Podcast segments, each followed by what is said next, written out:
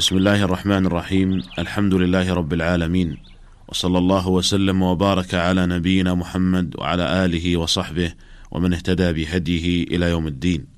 ايها الاخوه المستمعون السلام عليكم ورحمه الله وبركاته. حديثنا معكم في هذه الحلقة عن السواك وما يتعلق به من احكام واداب. السواك فعال من ساك يسوك أو من تسوك يتسوك يطلق على الآلة التي هي العود الذي يستاك به ويطلق على الفعل أي دلك الفم بالعود ونحوه. والسواك سنة أمر به النبي صلى الله عليه وسلم أمر ندب وبين أنه لولا المشقة على أمته بين أنه لولا المشقة على أمته لأمر أمته به أمر إلزام عند كل صلاة. فقال عليه الصلاة والسلام لولا أن أشق على أمتي لأمرتهم بالسواك عند كل صلاة. متفق عليه. وقد روي عن عائشة رضي الله عنها أن النبي صلى الله عليه وسلم قال صلاة بسواك أفضل من سبعين صلاة بغير سواك. وقد تكلم الإمام ابن القيم رحمه الله عن هذا الحديث كلاما طويلا في كتابه القيم المنار المنيف. ومما قاله رحمه الله هذا الحديث لم يروى في الصحيحين ولا في الكتب الستة ولكن رواه الإمام أحمد وابن خزيمة والحاكم في صحيحيهما والبزار في مسنده وقال البيهقي إسناده غير قوي وذلك أن مداره على محمد بن إسحاق عن الزهري ولم يصرح بسماعه منه. ثم قال ابن القيم فهذا حال هذا الحديث وإن ثبت فله وجه حسن وهو أن الصلاة بالسواك سنة والسواك مرضاة للرب.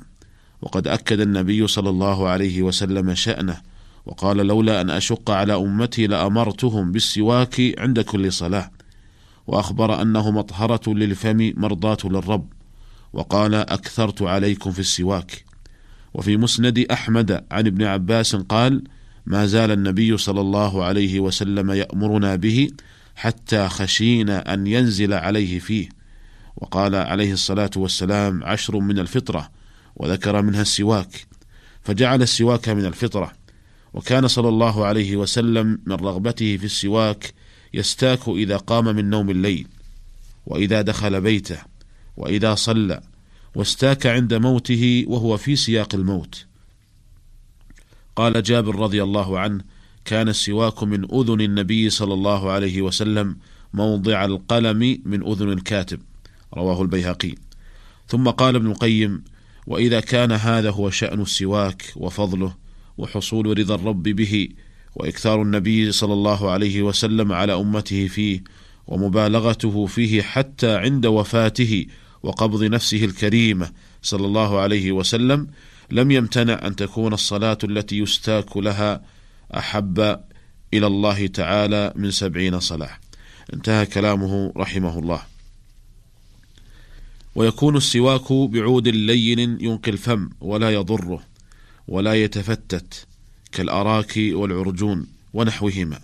وكان النبي صلى الله عليه وسلم يستاك بالأراك. فإن استاك بأصبعه أو بخرقة مثلا فهل يصيب السنة؟ قولان للعلماء.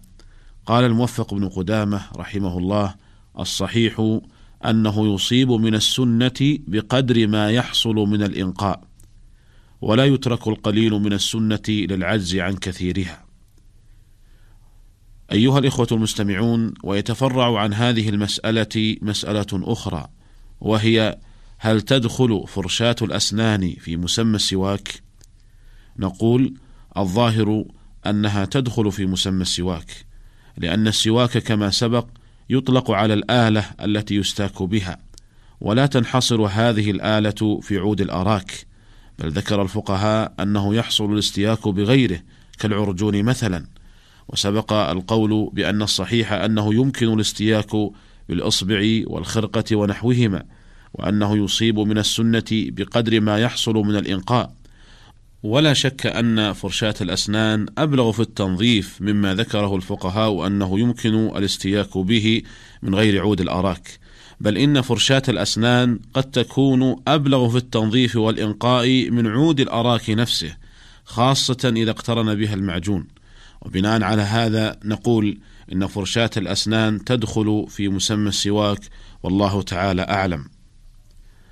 قال بعض الفقهاء يستحب أن يستاك عرضا بالنسبة للأسنان وطولا بالنسبة للفم. وقال بعضهم يستاك طولا بالنسبة للأسنان لأنه أبلغ في التنظيف.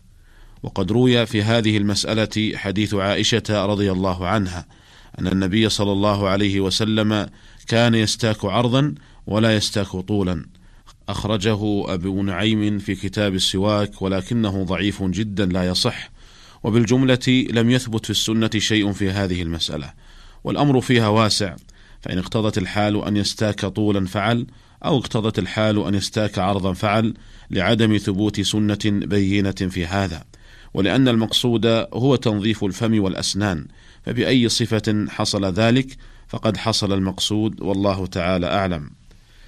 والسنة أن يبتدئ في السواك بجانب فمه الأيمن لما جاء في الصحيحين عن عائشة رضي الله عنها قالت: كان النبي صلى الله عليه وسلم يعجبه التيمن في تنعله وترجله وطهوره وشأنه كله، وقياسا على الوضوء.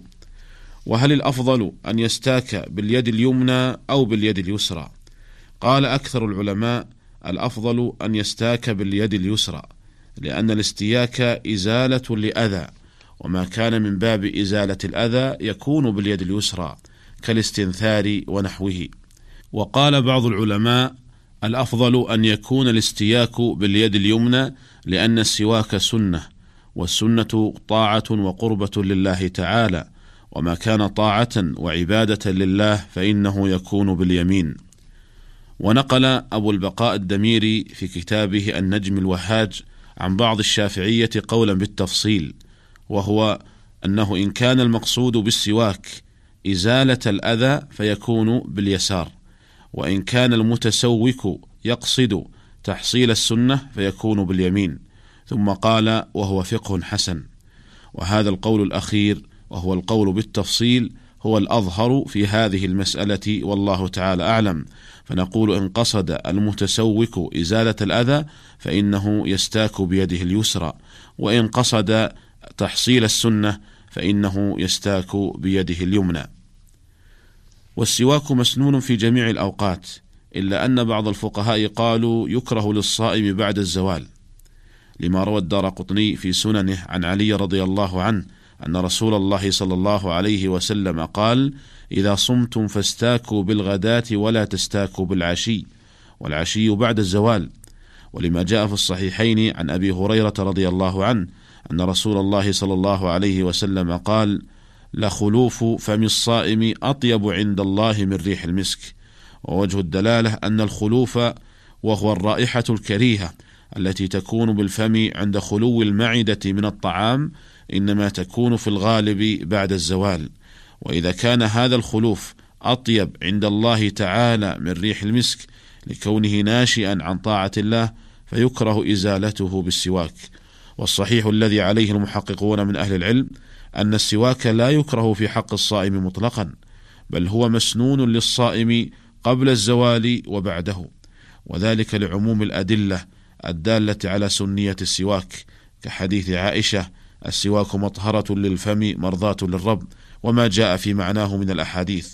ولعدم ثبوت دليل صحيح صريح يدل على كراهة السواك للصائم بعد الزوال. وأما حديث علي استاكوا بالغداة ولا تستاكوا بالعشي فهو حديث ضعيف لا تقوم به حجة.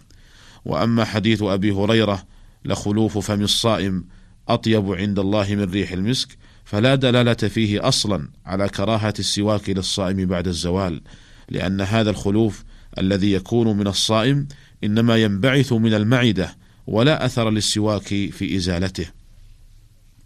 ويتأكد السواك في مواضع منها أولا عند الوضوء لحديث أبي هريرة رضي الله عنه أن النبي صلى الله عليه وسلم قال لولا أن أشق على أمتي لأمرتهم بالسواك مع كل وضوء أخرجه أحمد وابن ماجه بسند صحيح.